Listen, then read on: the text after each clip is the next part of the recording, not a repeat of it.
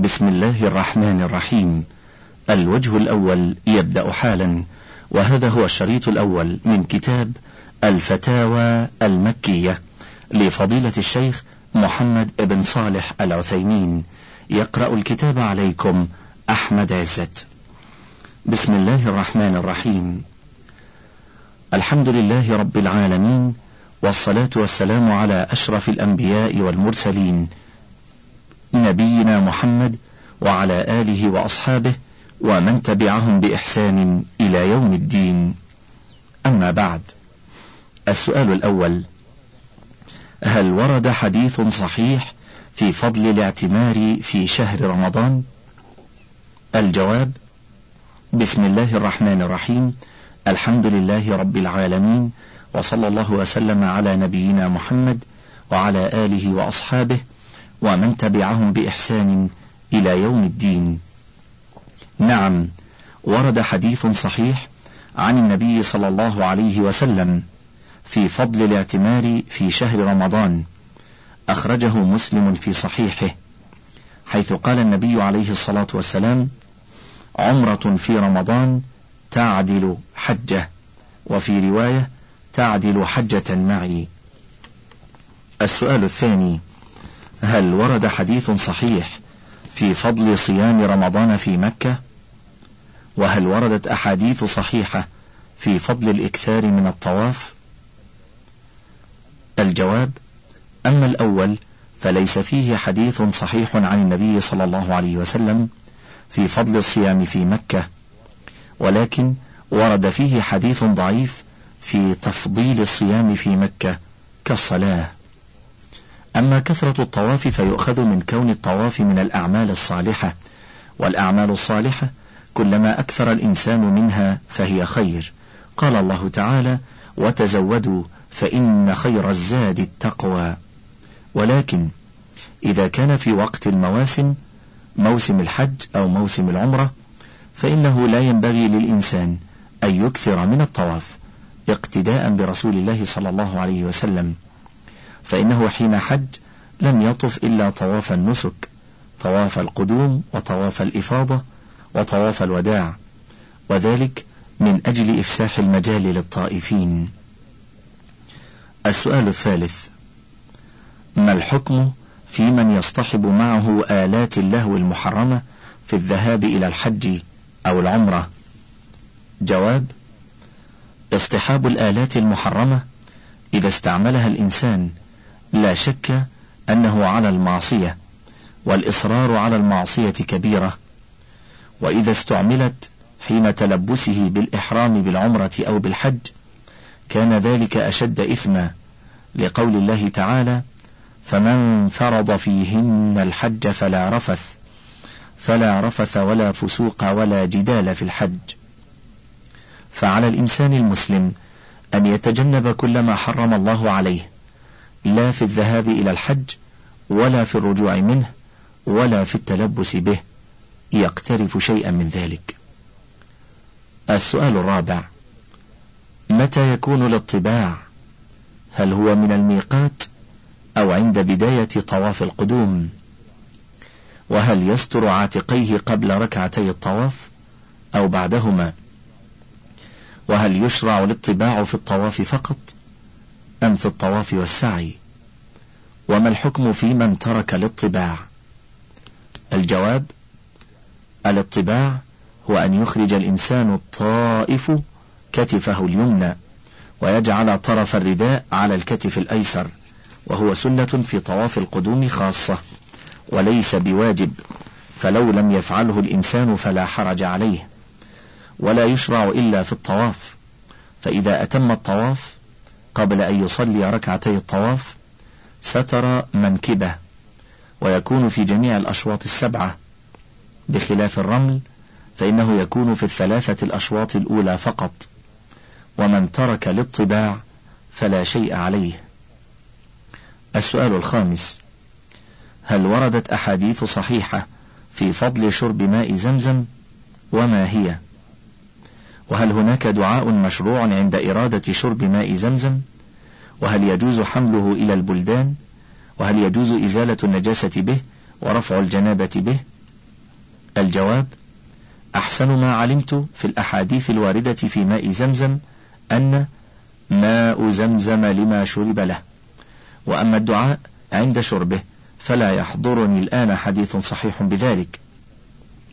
لكنه كغيره من المياه المشروبة تسمي في أوله وتحمد الله في آخره وتقول بسم الله عند الشرب وتقول الحمد لله عند الانتهاء وأما حمله إلى خارج مكة فلا بأس به وقد كان السلف يفعلون ذلك والحديث الذي ذكرته ماء زمزم لما شرب له يشمل ما إذا شرب في مكة أو خارج مكة.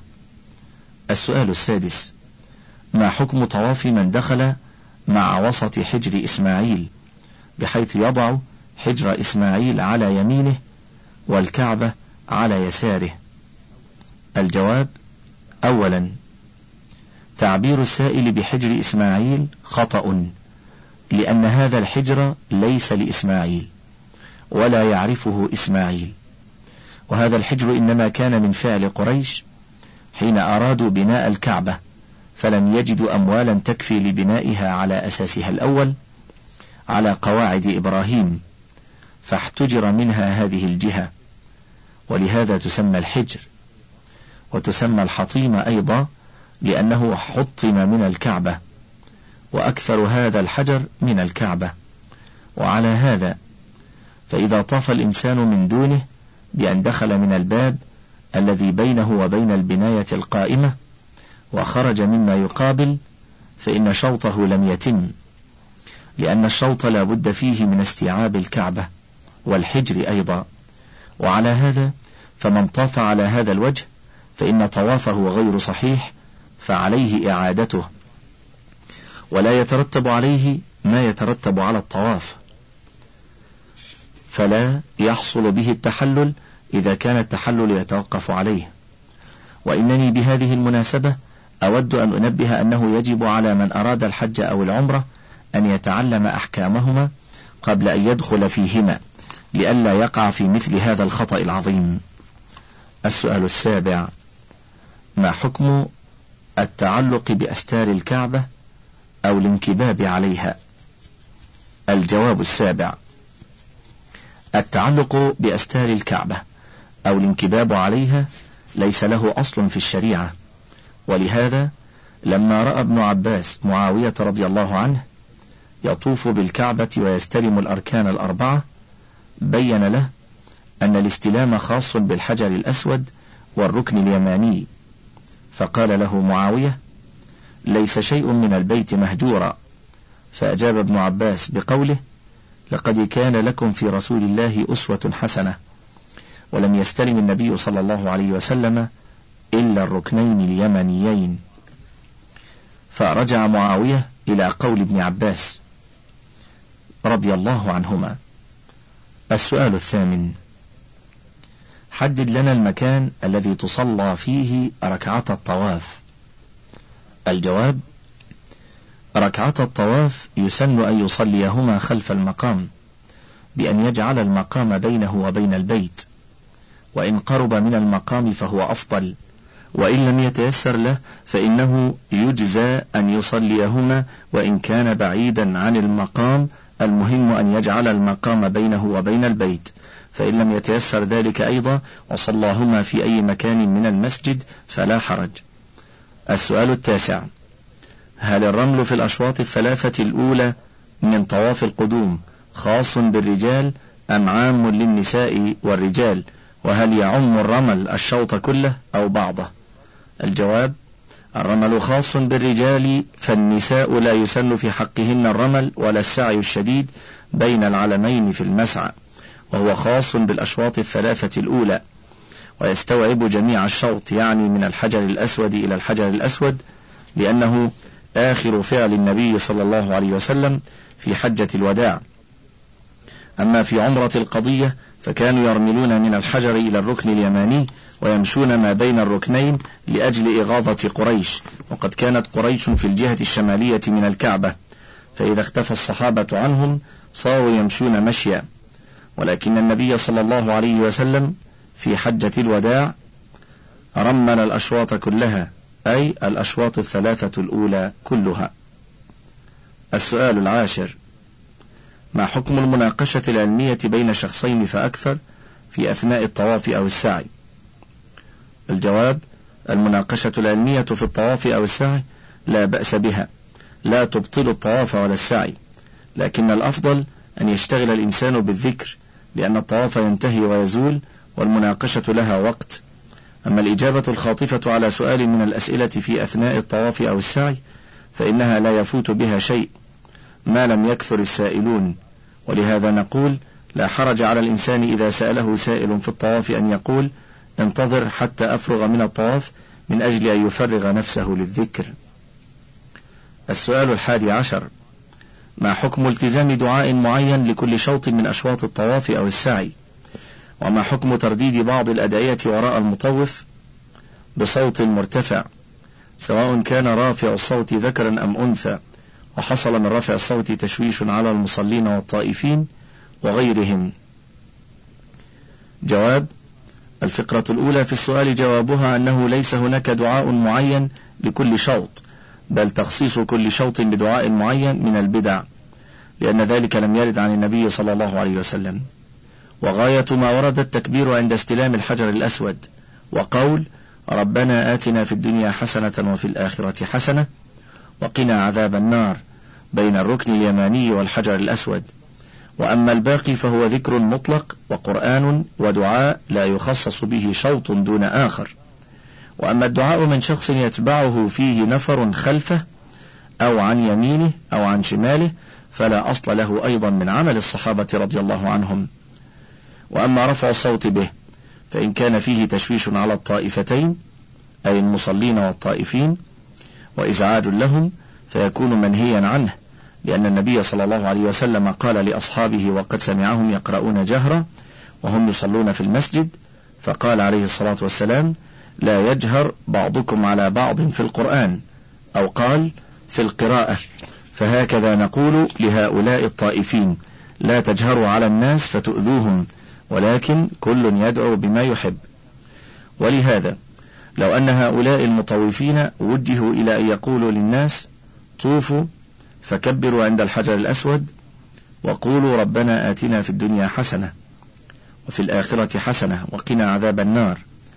بين الحجر الأسود والركن اليماني وادعوا بما شئتم في بقية الطواف واذكروا الله واقرأوا القرآن وصاروا يتابعونهم على هذا لكان هذا أحسن وأفيد للناس. لأن كل إنسان يدعو ربه بما يحتاج إليه وهو يعرف المعنى الذي يتكلم به بخلاف ما يفعله المطوفون الآن بالدعاء الذي لا يعرفه الداعي خلفه. لو سألت هذا الداعي خلف المطوف ماذا يقول؟ أو ما معنى ما يقول؟ لم يفدك في الغالب. فكون الناس يدعون ربهم دعاء يعرفون معناه ويستفيدون منه خير من هذا. السؤال الثاني عشر. ما هو الدعاء المشروع للطائف بين الركن اليماني والحجر الأسود؟ جواب المشروع ربنا آتنا في الدنيا حسنة وفي الآخرة حسنة وقنا عذاب النار. أما تكملة الدعاء وأدخلنا الجنة مع الأبرار فهذا لا أصل له. يا عزيز يا غفار يا رب العالمين وهذا لا أصل له. ولكن إذا قدر أن الإنسان قال ربنا آتنا في الدنيا حسنة وفي الآخرة حسنة. وقنا عذاب النار.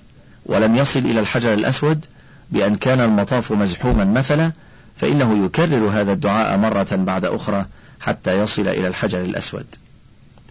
السؤال الثالث عشر. ما حكم الوقوف في الملتزم؟ فإذا كان مشروعا فما هو الدعاء المستحب في ذلك؟ وما هو المكان المحدد من الكعبة للالتزام؟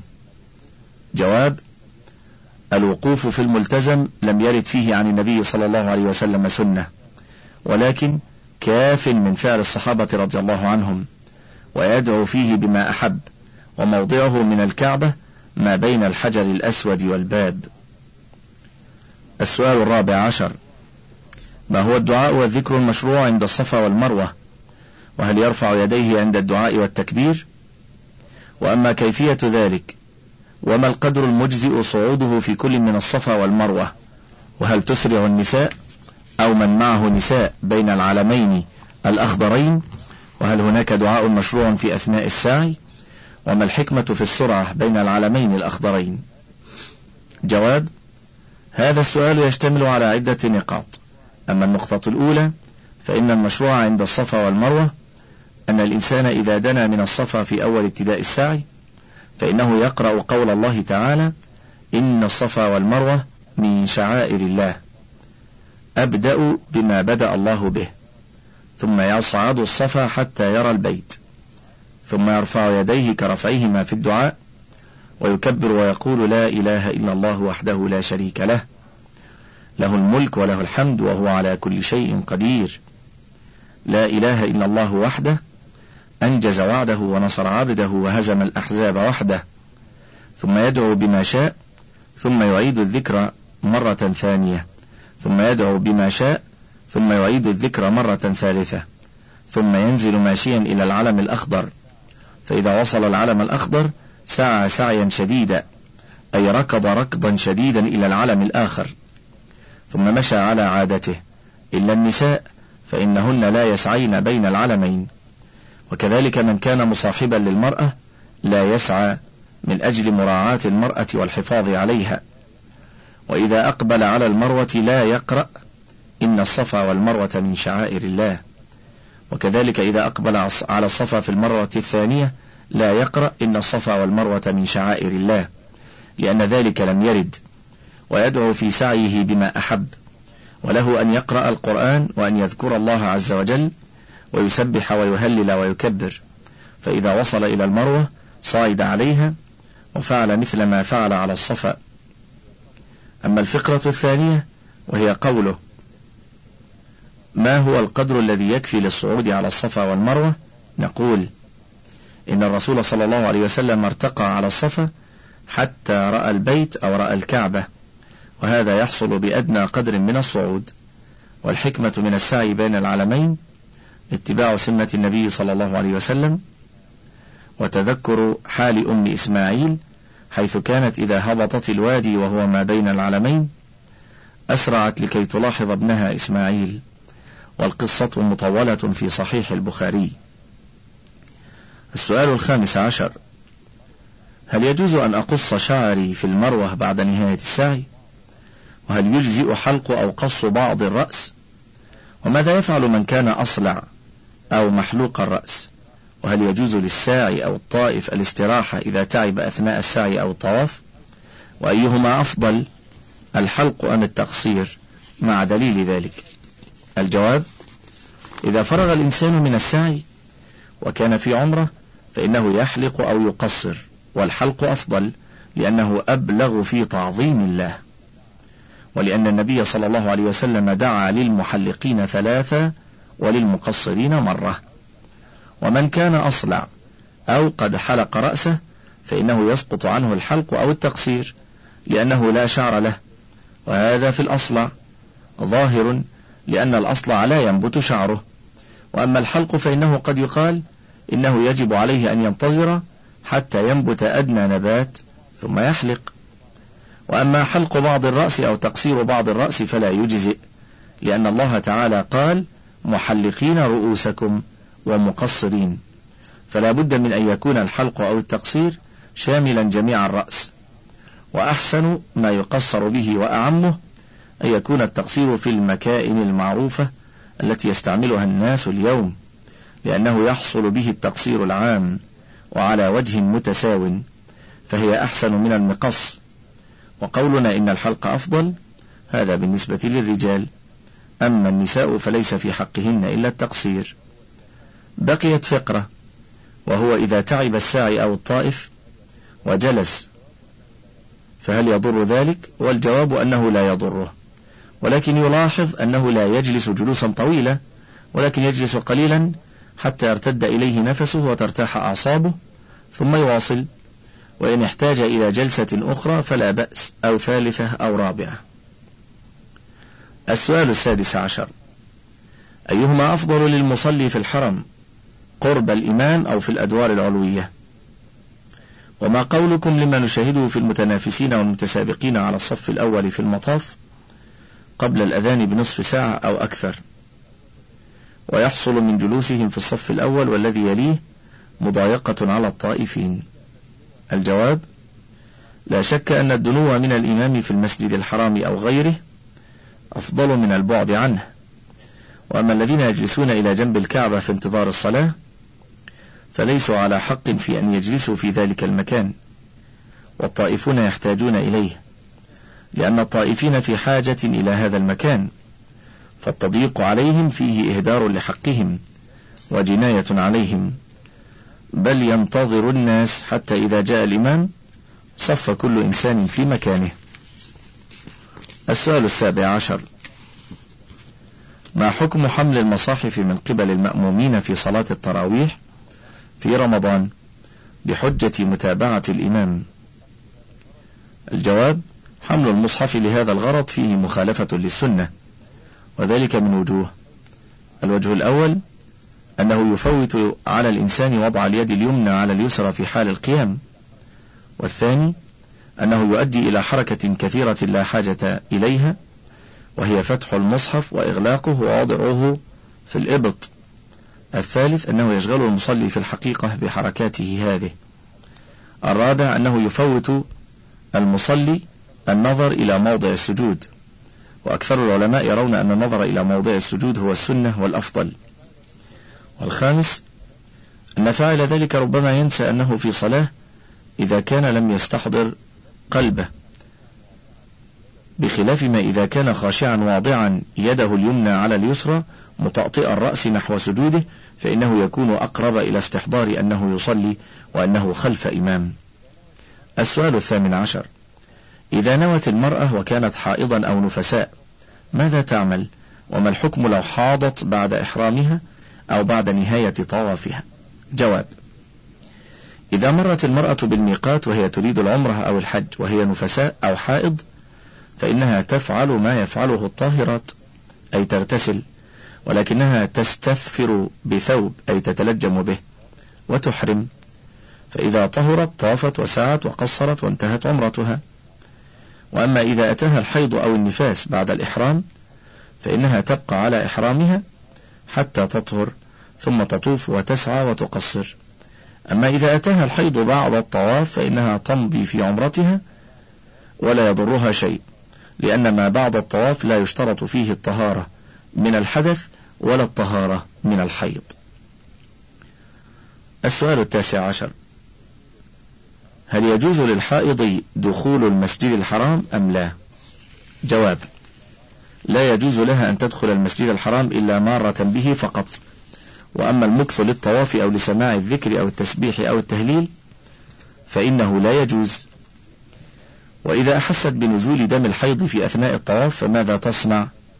نقول تستمر في طوافها ما دامت لم تتيقن أنه خرج الحيض. فإن تيقنت أن الحيض قد خرج منها فيجب عليها أن تنصرف وتنتظر حتى تطهر. فإذا طهرت ابتدأت الطواف من جديد. السؤال العشرون. ما حكم التزام مكان معين في المسجد الحرام لغير المعتكف؟ ليصلي فيه طيلة شهر رمضان مع وضعه للوسائد والفرش على الأعمدة في الحرم. جواب المسجد الحرام كغيره من المساجد يكون لمن سبق ولا يحل لأحد خارج المسجد أن يتحجر مكانا له في المسجد.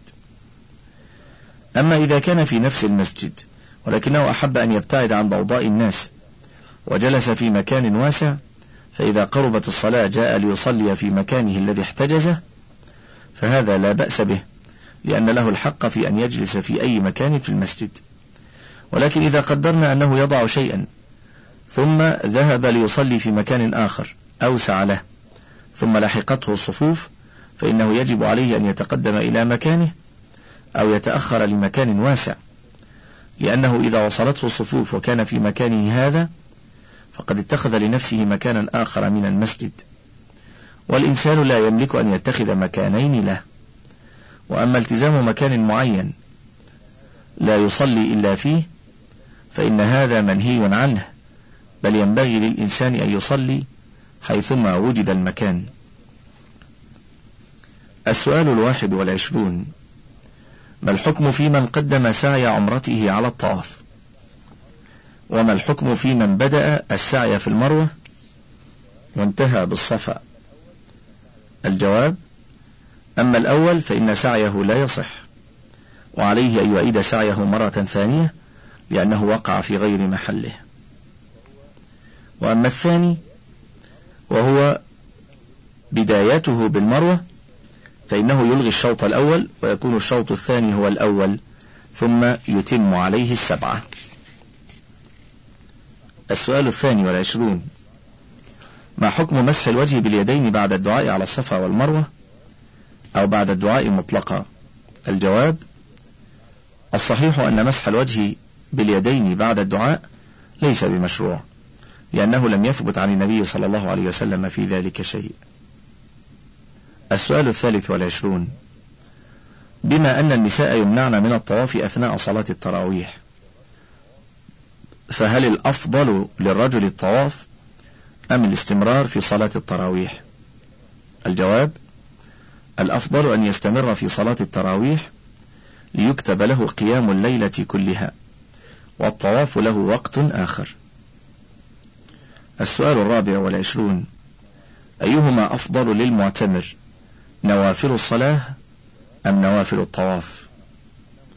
جواب الذي أرى أنه إذا كان الاعتمار في وقت يكثر فيه العمار فإن الأفضل أن يتشغل بالصلاة من أجل أن يوفر مكان الطواف للطائفين.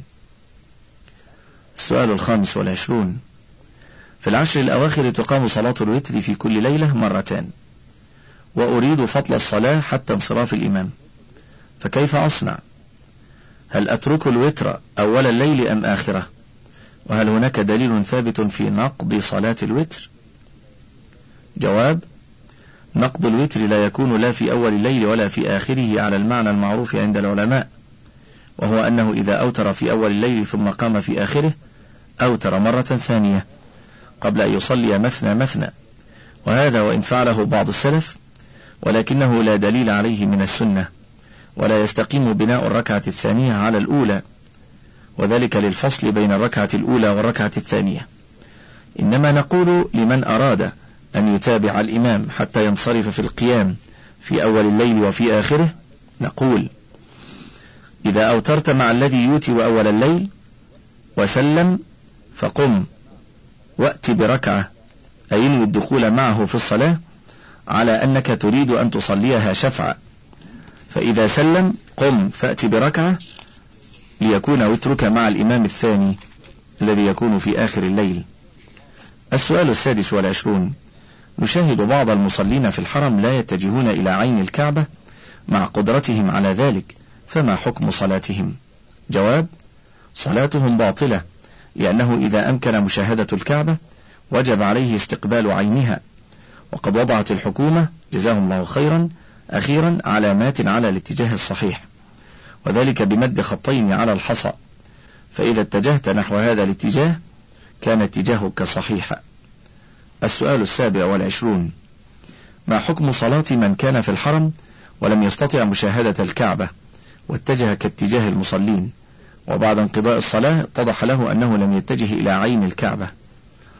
فما حكم صلاة هؤلاء؟